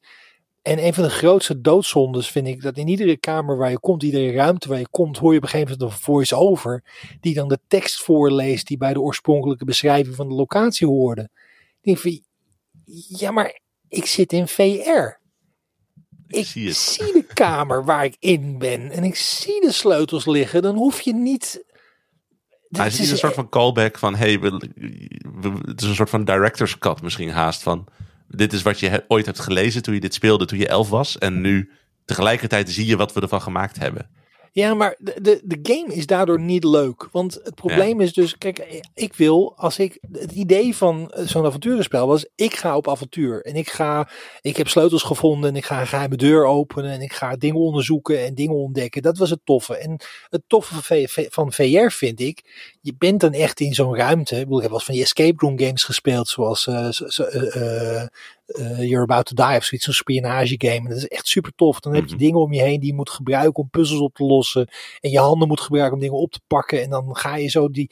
En dan ben je daar echt. Het is zo'n simu- holodeck simulatie. En dit is een soort van Frankenstein gedrocht geworden. Wat op Ja. geen enkele. Het heeft en niet de charme van de oude text adventure. En niet het gevoel van dat het een VR-game is die daar gebruik van maakt. Het is ook zo'n oude een- game, lijkt me lastig even naren, toch? Ik bedoel, dit is wel elfjarige Harry heeft hij waarschijnlijk deels Engels meegeleerd en een beetje de grens ontdekt van wat de computer kan. En nu weet je dit allemaal al en dan zit je er als volwassene in. Het is ook, ja, het haalt misschien Maar- een beetje charme nog bovenop weg. Nou, maar het, het, klopt allemaal wat je zegt. En natuurlijk, roast in die classes zijn, een- zijn, zijn een feit. Maar het is, het, het, is, het is gewoon geen goed game design. Het enige wat ik tof vond eraan, en dat was dan wel bizar, dat de kaart, de, de wereld waar je doorheen gaat, is dus wel heel erg één op één zoals de kaart van het spel is. In, in, toen je het in, in tekstspel moest je zelf een kaart maken. En de voorwerpen en de puzzels liggen op dezelfde plek als in de game. Dat, en het eerste deel weet ik nog zo goed dat ik echt nog weet waar de voorwerpen lagen en hoe je ze moet gebruiken en hoe die eerste puzzels zijn. En dat is dan wel zo van, ah, ik ken dit. Ja, Maar wat ik wilde was een, een, een, een, een simulatie van, die, van dat grottenstelsel. En wat ik kreeg was een soort vreemd museum met een rare interface. Dus ik was erg teleurgesteld. Het was voor mij echt weer zo van, "Ja, maar dit is niet wat VR moet zijn. Jammer. Ja. Helaas. Dat is onze diepteanalyse. Video, video games. Bas, wat heb jij meegenomen? Ik heb, eh, nou, het ging, eh, het gaat natuurlijk al een tijdje over Hogwarts Legacy. En het ging er in de Discord bij ons ook eventjes over. eh wegens één actualiteit. Dat Ja, dat ik ingegooid. Heb jij, wat is zelfs een linkje van jou? Nou, kijk, blij- komen we mooi toch weer terug bij jou. Nou, ik vond het, er kwam wel een interessante discussie uit. Ik dacht het is mooi om ook even met de podcast in te nemen. Het ging vrij los eh, in de Discord. Ja, maar wel netjes toch? Ja, tuurlijk. Ja, niemand uitgescholden, niemand vertrokken. Eh, Maar nu gaat het helemaal los. Nou, nou, dit is de laatste aflevering van Spelkost. Nu is, kan eh, niemand je tegenspreken. Dus nu nou, komt het. het, het, het- het- de kwestie is dat eh, je hebt natuurlijk het, het eh, forum eh, Reset Era. Het komt dan uit het oude NeoGAF. Dat is, Oh, spreek je dat zo uit? ik zeg altijd Reset Era. Oh, ja, ik dacht, sense. reset eraan. Hoe, hoe, hoe zeg je? Resetera zeg ik in mijn hoofd. Reset- ik spreek het nooit uit. Dus in mijn hoofd zeg ik dan Resetera. Maar Ja, ik ook. Reset era klinkt logisch. Oh, het kan allebei. Het et cetera. Reset Era, dat zou ook kunnen. Oeh, oké, dit is de nieuwe discussie die ik wil aanzwengelen eigenlijk nu. Het is, eh, hier gaan we nu tien minuten over- Resetera. Resetera. nou, weet, wij- weet- ik weet niet of het, het, ik denk niet dat het het grootste gameforum is, want het zal wel GameFAQs of zoiets zijn, maar ik denk dat het Nee, het wel het meest... grootste toch? Nou, GameFAQs is heel groot. Het is een hè? groot forum. Let's move on. Maar het is, het is wel het meest, wat ik wil zeggen, is, eh, het, is wel het meest invloedrijke gameforum. Eigenlijk iedereen die in de industrie werkt, die zit op die site. Ja. En die leest mee en die discussieert. En eh, eigenlijk al het grote game nieuws dat je op Gamesite ziet, dat komt eigenlijk altijd eerst even daar op een forum topic langs. Hele belangrijke plekken, zou ik wel zeggen. En zij hebben dus nu het besluit genomen dat omdat eh, J.K. Rowling eh, niet alleen eh, een, ja, een transfoob is, maar ook echt gewoon campagne voert omdat, eh, om, om, om transgenders hun rechten af te nemen en dergelijke Ja. om geen topic meer te maken over die game zelf. En de discussie die we daar een beetje over hadden, is, en dat is een beetje dubbelzijdig natuurlijk, want aan de ene kant kun je zeggen, hey, dat is inderdaad heel goed, want eh, we geven geen aandacht aan eh, iets wat haar vervolgens weer meer exposure en geld op kan leveren. Aan de andere kant is Reset Era ook een van de meest eh Resetera, ik weet echt wel die naam, jongen. Het, het is Ja, nu een ga je van de meest- twijfelen. Dat forum. ja, dat forum, die plek. Het is ook een van de meest progressieve plekjes, plekken, geloof ik, op, op, het, op het internet. Het voelt een beetje alsof GroenLinks zegt: wij gaan het niet meer hebben over racisme. Eh, die vibe krijg ik er ook een beetje bij. Ja, maar het is ook wel een heel open... Als je googelt naar games, dan kom je ook al heel snel daar terecht. Ehm, hetzelfde als zeggen van, ja, Twitter is misschien progressief... Of, nou, was ooit progressief. dat je daar dan... maar daar komt ook, kan ook iedereen op kijken, zeg maar, van eh, de, de, gewoon de open gesprekken die er zijn. En Mhm. Mijn mening is dat als je, ehm, als je het daar over Harry Potter gaat hebben, over Hogwarts Legacy, een hele grote game, eh, dat wordt dan zo'n topic van honderden pagina's. En dan kun je misschien wel zo'n waarschuwing op begin zetten van, eh, hey, eh, wat, J.K. Rowling bla bla over transfobie, om daar dan aandacht aan te geven. Maar ik denk dat dat heel snel al verdwijnt en dat het alleen over die game gaat. En als zo'n groot topic op Rosetta staat, dan genereert dat heel veel aandacht voor die game juist. En heel veel aandacht voor die, voor die wereld, die Wizarding World. En ik snap heel goed de keuze dat ze denken van, nou, dat, dat willen wij niet. We willen niet met ons platform die game nog groter maken dan het al is. En nog meer aandacht bieden dan het al is. Want daarmee vergroot het platform van, eh, van J.K. Rowling. Maar het is tegelijkertijd wel een forum natuurlijk waar ik denk eigenlijk dat iedereen die die site bezoekt al lang weet van die game, al lang ermee bezig is, al lang besloten heeft of ze dat wel of niet gaan spelen, hoe ze dat voor zichzelf willen plaatsen. Eh, dus de rol die ze misschien het meeste hebben is inderdaad voor buitenstaanders die langskomen. Maar die mensen komen via Google. En je komt eigenlijk in een situatie van of ze googlen naar die game en ze komen op, op dat forum. En daar zien ze misschien een kritische noot over wat er aan de hand is. Of, dus ze eigenlijk niks doen, ze komen op een website die daar helemaal geen kritiek op heeft. Die daar het hele onderwerp niet aanswengelt. Waardoor die persoon die zich aan het inlezen is eigenlijk geen idee heeft wat er speelt. En ze nemen eigenlijk een soort van de informerende rol die ze zouden kunnen hebben om mensen te waarschuwen. Nemen ze ook bij zichzelf weg op die manier. Maar komen er ook niet heel veel mensen daar gewoon op het forum om te, om te lezen over het laatste, de laatste gesprekken? Ja, maar die weten denk ik vaak wel wat de grote AAA games zijn, eh, van het moment zijn, zeg maar. Ik denk niet dat, het mensen, dat mensen daar nog nu gaan ontdekken. Oh, Hogwarts Legacy. Ik wist niet of dat wat was. Alsof ze zeg maar ontdekken. Oh, Call of Duty. Daar nooit van gehoord. Zeg maar. Het is wel echt gewoon. Het is, zeg maar ons soort mensen, zeg maar. Snap je? En wij weten ook al lang Ja. van die game. Ja, ik vind het, ik vind het, ik vind het, ik vind het een moeilijke discussie. Ik, ik, ik, ik waag me er ook niet meer aan. Oeh. Mijn stand, maar, nou, nee, ik, ik, ik, ik, ik vind het, standpunt van, van Rowling vind ik verwerpelijk en onbegrijpelijk. En ook Ja, drie ik. hoor. tegenvaller omdat ze in de boeken wel eh, een aantal stappen had voor inclusiviteit, voor eh, homoseksualiteit en eh, eh, rassen en zo. Dat zat er wel in Nou, tot op zekere hoogte. nou ja, goed, Dumbledore was gay, dat was dan wel een dingetje. ja, en na zo. afloop. Ja, Oh, dat is waar, ja, dat zat niet in de Dat boeken. zat niet in de boeken. En als je het hebt over rassen, echt de meest stereotype namen en beschrijvingen. Het Ja, oké, niet ja, oké ik heb hoor. het- Goblins. Dat Ik heb dat Als je zo dat terugkijkt. Ja, goed, De ik heb, het, goblins, ik, dat ik waren echt antisemitische karikaturen. Ja, de hele hè, van de- die, antisemitische joden dingen. die bij een bank al het goud bewaakten. En eh, met grote neuzen en zo. Dat was, En dat, Ik er heb zitten dat- wel dingen in dat je denkt... Er zit één Aziatisch personage in, heet Chang Chong of zo? Cho. Cho Chong? Nee, die heet Cho. Dat is, en dat, daar was haar Ali Ja. verliefd op. Maar dat, dat qua naam, dat is echt...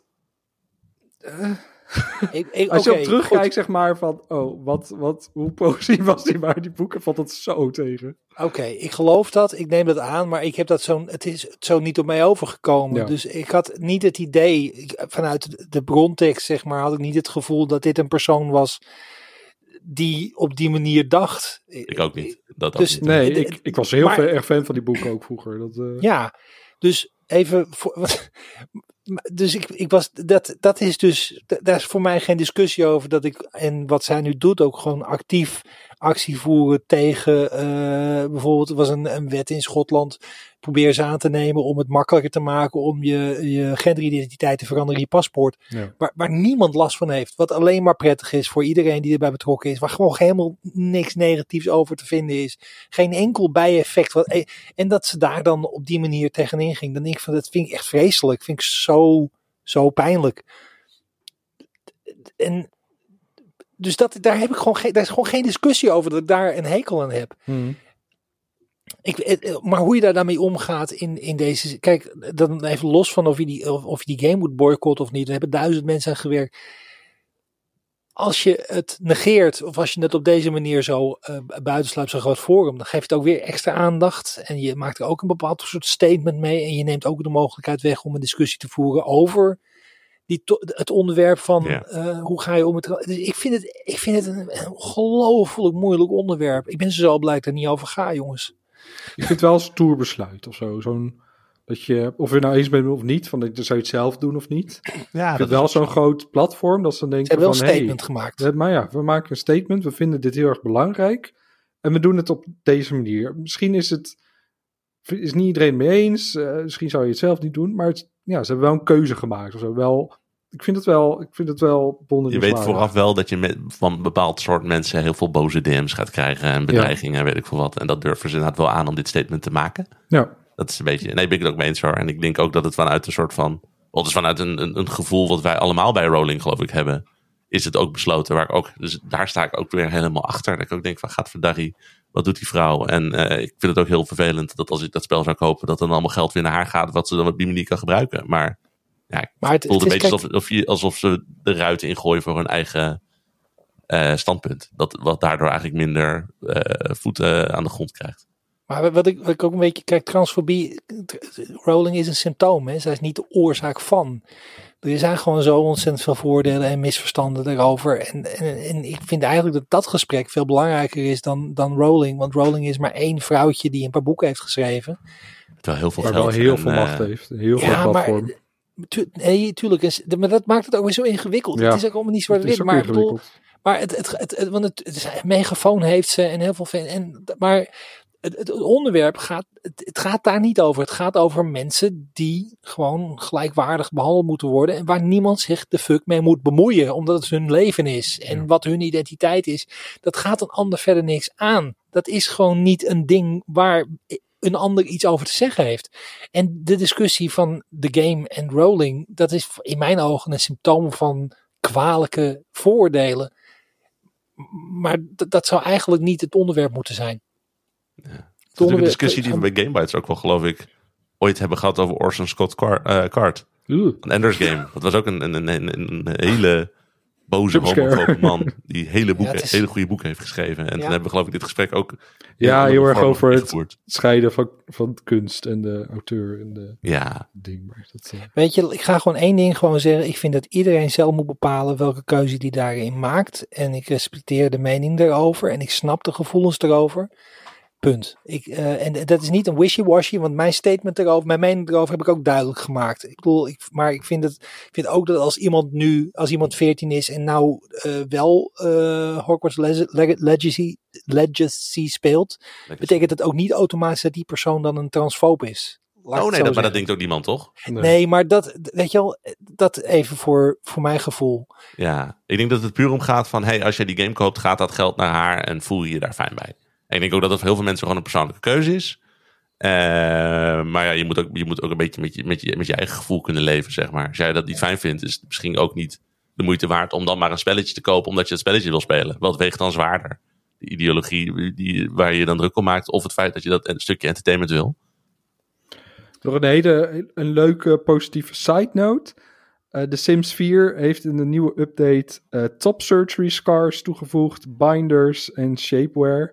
En dat is heel Oh. erg eh, vanuit de transgender eh, community heel erg positief. Want mensen die eindelijk zichzelf herkenden in de game en zichzelf kunnen zijn en hoe ze er zelf uitzien in de game zien. En die zijn zo blij ermee. En dat vind ik Wat zijn binders? super cool. Binders, zeg maar dat je eh, die draag je om je borsten platter Oh. te, te laten ogen. Ik dacht aan Bulto-mappen. Ik dacht.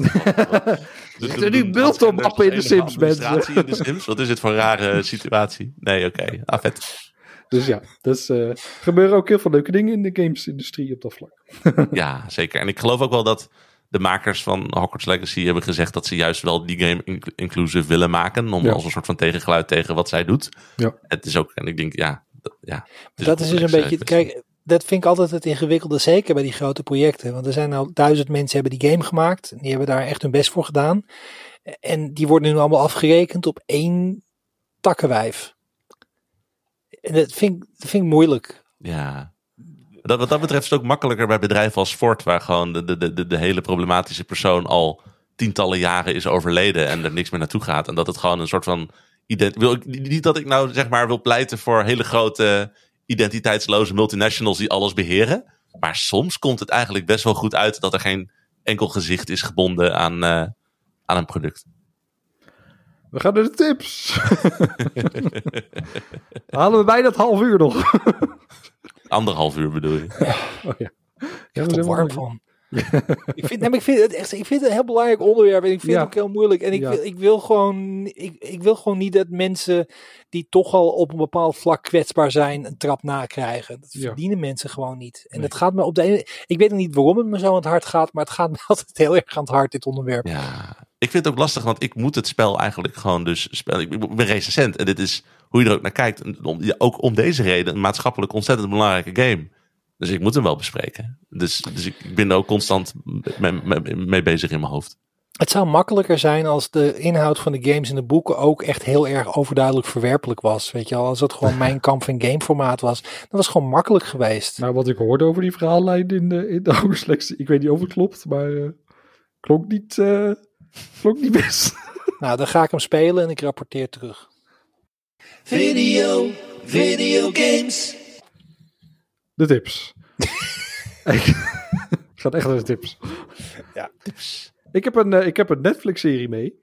Ik weet niet hoe het bij jullie... Iedereen heeft altijd eigen plaatjes hè, van series op, op Netflix, zeg maar. Hoe je ze Mhm. probeert dingen aan te klikken. Bij mij op een van de reden is het altijd... Als er ooit een knappe man zijn shirt uitdoet in de serie... Is dat het plaatje bij mij. En er was... Vraag je je af waarom Netflix een algoritme bij jou zo heeft afgestemd? Want ik Algoritme, wat is dat? Flauw idee. maar er was een plaatje met allemaal gespierde mensen en zo telkens. En eh, Jij weer klikken. ik deed, ik weer klikken. was Ik eh, snap het niet.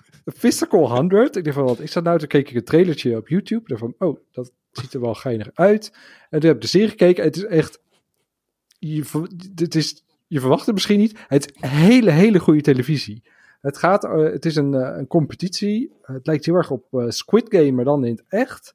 En het gaat heel erg over fysieke kracht. Er worden honderd kandidaten zijn uitgenodigd. die allemaal heel sterk zijn op hun eigen vlak. Allemaal goed zijn in hun eigen sportcategorie. of andere dingen dat ze doen in het dagelijks leven. Waardoor ze gewoon heel fit zijn. En dan gaan ze allemaal uitdagingen doen om te kijken van wie is het fitst van ons. Wie is fysiek het sterkst. En dan de eerste uitdaging is direct van we gaan allemaal hangen. En de vloer verdwijnt onder ons weg. En, dan val je zo plons in het water.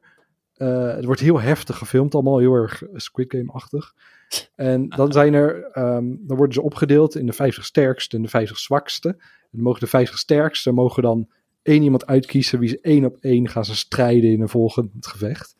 En het is zo vet gefilmd allemaal. Dan echt allemaal van die hele gespierde lichamen tegen elkaar in. En telkens, eh, je hebt wel eens van die, van die bijvoorbeeld in series of sport of zo, die denken van, ik moet even terugspoelen, wat gebeurde er nou? Maar deze serie is heel erg van, oké, als er iets vets gebeurt, dan laten we het ook vijf keer achter elkaar zien. en verschillende invalshoeken en in slow motion. En er zitten heel veel verrassingen tussen, dat je echt zo'n van die David en Goliath momenten hebt, dat je denkt van, nou, die gaat die sowieso verslaan en dan draait het zich opeens om of zo. Want het gaat niet alleen van hoe groot je bent, hoe gespierd je bent, maar ook hoe, hoe snel je bent, hoe, uh, ja, het is echt heel, heel, gewoon echt hele leuke televisie. En niet alleen als je van houdt van, van gespierde mannen en zo. Het is gewoon, het gaat heel erg over uithoudingsvermogen. En, dus geen vrouwen erin? Er zitten ook vrouwen in, ja, ook oh, hele okay. gespierde vrouwen. Ook, ja, wij krijgen, wij krijgen andere plaatjes, Harry. Als wij de serie op Netflix voorbij zien komen. Maar is het dan ook dat van de 100 er één overblijft of zo aan het eind? Is dat ik idee? denk het. het is, er worden, elke week zijn er twee afleveringen. Ik ben nu bij uh, aflevering 4 bezig. Die is uh, een paar dagen terug uh, opgezet. En ze zijn nu nog één op één bezig, zodat er 50 overblijven. Dus het moet nog verder gaan. Ik ben benieuwd hoe het verder gaat. Ik ben echt... eh, Ja, de winnaar krijgt een kip. Ik kan het zeggen, het is, het is PUBG, maar dan... Ja. Het is ook heel vet. Het is, van elk kandidaat is een... Um, met, met gips zo'n versie van een uh, torso gemaakt. En als je dan verliest, dan moeten ze met een hamer moeten dat torso kapot slaan. En dat is heel, heel heftig, zeg maar. Van, oh, mijn lichaam is niet goed genoeg en zo. En het, ja, dat is wel... Het is een hele intense... intense Als het mijn torso was, dan zou de hamer ervan afstuiten. Squish. nee, maar als je Squid anyway. Game cool vond en houdt een beetje van sport en zo, dan is dit wel uh, echt een aanrader. Physical 100.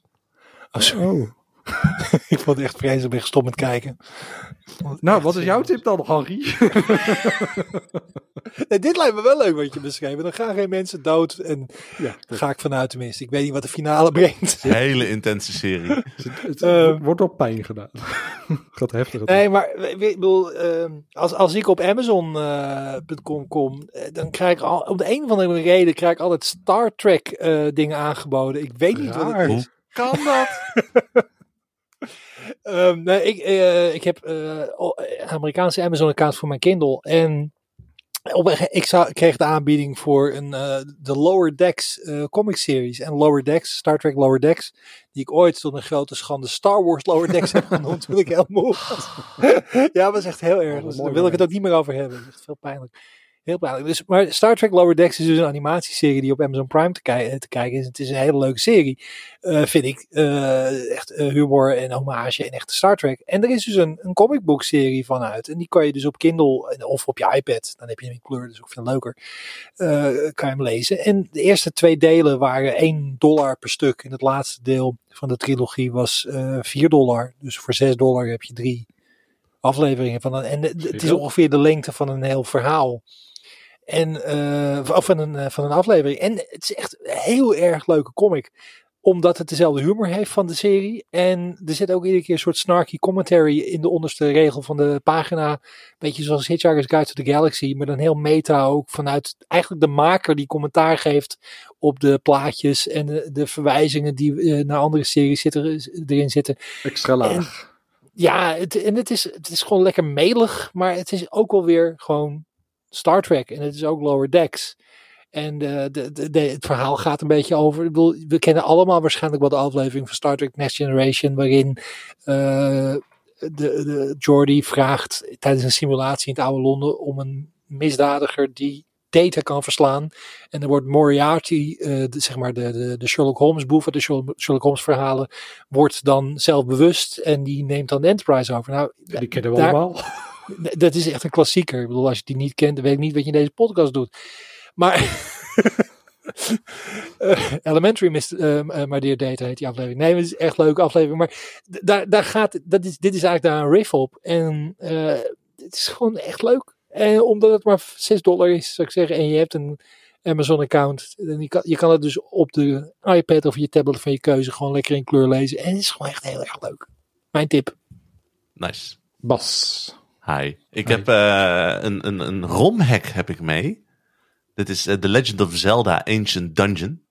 En dit is, uh, dan moet je eerst je, natuurlijk je totaal legitiem verkrijgbare cartridge van The Legend of Zelda ge, ge, gedumpt hebben op je PC. En dan kun je dit hekje erop installeren. Maar dat verandert eigenlijk gewoon die allereerste Zelda in een roguelike. Dus je gaat gewoon, je komt gewoon in een dungeon. En die dungeon is gewoon totaal gerandomized. Wordt steeds moeilijker, moeilijker, moeilijker, moeilijker. Met puzzels en elementen gewoon uit de, uit de originele game. Met uh, items ook op willekeurige plekken. En hoe dieper je komt, hoe moeilijker het wordt. Uiteindelijk kom je dan een keer terecht bij uh, Ganon, die je dan kan verslaan. Maar als je doodgaat, moet je inderdaad weer helemaal opnieuw beginnen. En dan start het helemaal opnieuw. En dan merk je gewoon dat die oude formule werkt gewoon perfect. Dit, is gewoon, dit zou je gewoon nu kunnen uitbrengen. En heb je gewoon nu een fantastisch leuke roguelike. Maar dit is, ja, het is gewoon een rom, romhack van een game uit 1987. Ik vind het maar fascinerend. Is het, dan, is het dan een overworld of is het dan eindeloos Alleen dungeon? de dungeon. Dus er zijn ook een paar items, zoals bijvoorbeeld het vlot, wat je normaal hebt om over water te gaan. Dat is het nou weer uitgehaald. Uh, dus, dus een paar details is het, wel, is het zeg maar echt aangepast. Maar het is gewoon echt één hele lange dungeon die gewoon eindeloos doorgaat. Nou, niet eindeloos, maar even totdat je heel diep runner. in die dungeon bij Ganon terechtkomt. En die moet je dan één keer verslaan. Want als je doodgaat, ja pech, begin maar opnieuw. En, en dan is het, en dan heb je wel de, de, zeg maar die puzzel-elementen en zo, ja. een beetje het Metroidvania-achtige wat er. Ja, je hebt nog wel echt de basic Zelda puzzels en dingetjes die je moet oplossen. En uh, bijvoorbeeld, het is hier en daar natuurlijk wat versimpeld, want je kan natuurlijk niet een soort van coherent thema van één dungeon doen, want het is gigantisch. Maar het is wel van, oh, vind de sleutel, gaan we weer even terug. Uh, en dan kom je opeens een, een, een midboss tegen uit uh, dungeon 2 en dan, dan, moet je die weer verslaan. En het, is het, het nou random, zijn die dungeons nou randomly generated? Ja. Iedere keer opnieuw. Gaaf. Ja, het is echt super cool. En het is gewoon allemaal op basis gewoon van een rommetje van een oude NES game. Hè? En er is gewoon, heeft iemand eigenlijk gewoon een totaal nieuwe game van gemaakt. Met wel gewoon heel veel elementen die we van vroeger kennen. Het is, uh, nee, ik vind het echt uh, fascinerend om te zien. Mag ik een hele nerdy vraag stellen? Ja, altijd. Um, of zit ik in de verkeerde podcast? in deze podcast? We hebben hier over voetbal, ja? Nee, waar ik even nieuwsgierig ben. Zou, zou dit kunnen draaien op een NES? Als ja. je dit in een ROM zou mm -hmm. zetten, zou dit dan gewoon werken in een NES? Dat is het coole aan ROM-hacks. Je kan gewoon inderdaad gewoon... Je hebt het ook wel... Dat er, er zijn ROM-hacks die gewoon op reproductie cartridges zijn uh, ja, worden ik, verkocht ja. door, de, door, door mensen die dat gemaakt hebben. Zodat je inderdaad, bijvoorbeeld, er zijn ook Pokémon ROM-hacks. Die kun je gewoon op een cartridge kopen en in jouw Game Boy stoppen. En dan kun je die ook op die manier spelen. Maar dan, dan zou dit eigenlijk, dit, dit zou een soort Ura Zelda kunnen zijn geweest in de jaren tachtig. Want het vermogen van de NES was dus sterk genoeg om wat jij nu beschrijft, wat jij gespeeld hebt. Mm -hmm. Dat kon toen zeg maar ook gemaakt, zou gedraaid kunnen hebben op die hardware. Ja, yes. Dat vind ik wel heel cool. Ja, echt hè? Maar dat is ja. die, die, hele retro community met dit soort romhacks en het modden van oude Gameboys. Dat is juist het coole eraan. Ze maken gewoon dingen die gewoon 20, 30, 40 jaar geleden ook gewoon hadden kunnen draaien. Als je een tijdmachine bouwt en je brengt dit uit, dan zou je gewoon heel veel geld kunnen verdienen. Ja, maar dat, dat dus. Maar ik vind het echt, nee, ik vind het echt super cool. Het is echt super cool. The Legend of Zelda Ancient Dungeon. Yes, dan was dit deze aflevering van Game Bites. Of Spelkost, sorry. de wijn, Erwin. Ja. Dry January is voorbij en de wijn ja. komt aan. ik, heb, ik heb Dry January gedaan en ik heb nu weer wijn op. En dat komt wel harder aan dan je verwacht. Zit je opeens weer Game Bites. Zegt, ja, kan je oh, alsjeblieft je shirt weer aantrekken? Oh, okay. en je broek. Meer informatie over de podcast vind je op spelkost.nl. Daar vind je onder andere een link naar onze Discord, waar we samen met onze luisteraars praten over allerlei dingen. Kun je daar onder andere mee discussiëren over dingen zoals bijvoorbeeld waar we net over hebben gehad, Hogwarts, Leg Hogwarts Legacy en Resetera. Dat vond eerder al plaats op de Discord. En uh, dat is, is ook tof. Je hebt gewoon mensen deden dingen uit hun leven, mensen deden dingen die ze tof vinden. En we hebben discussies over onderwerpen. Echt uh, superleuk. Ik vind het echt een leuke, leuke plek geworden. Ja. En we hebben een Zeker. Patreon. Daar kun je ons steunen om, uh, voor een vast beleg per maand. Om, uh, voor het maken van deze podcast. En dat doen mensen al, toch Bas? Ja, zeker. Op het moment hebben we Roland, Mark, Gerard, Wietse, Niels en Kevin. Die ons iedere maand met een klein bedrag steunen. Wat echt super fijn is we zouden dit ook voor, we zouden zelf betalen om dit te maken, omdat we het gewoon heel leuk vinden. Maar het, het- ja, het, het hel- het helpt ons ontzettend om ons uit de kosten te halen. En het motiveert ook om te denken van, oh, mensen vinden het gewoon cool genoeg om te betalen. Ik eh, ja, heel ja, fijn, krijg- heel leuk. krijg er een heel goed gevoel uit altijd. Ja, we moeten ook erg straks de, de rehab voor Erwin voor betalen als hij de wijn weer... eh, Ja,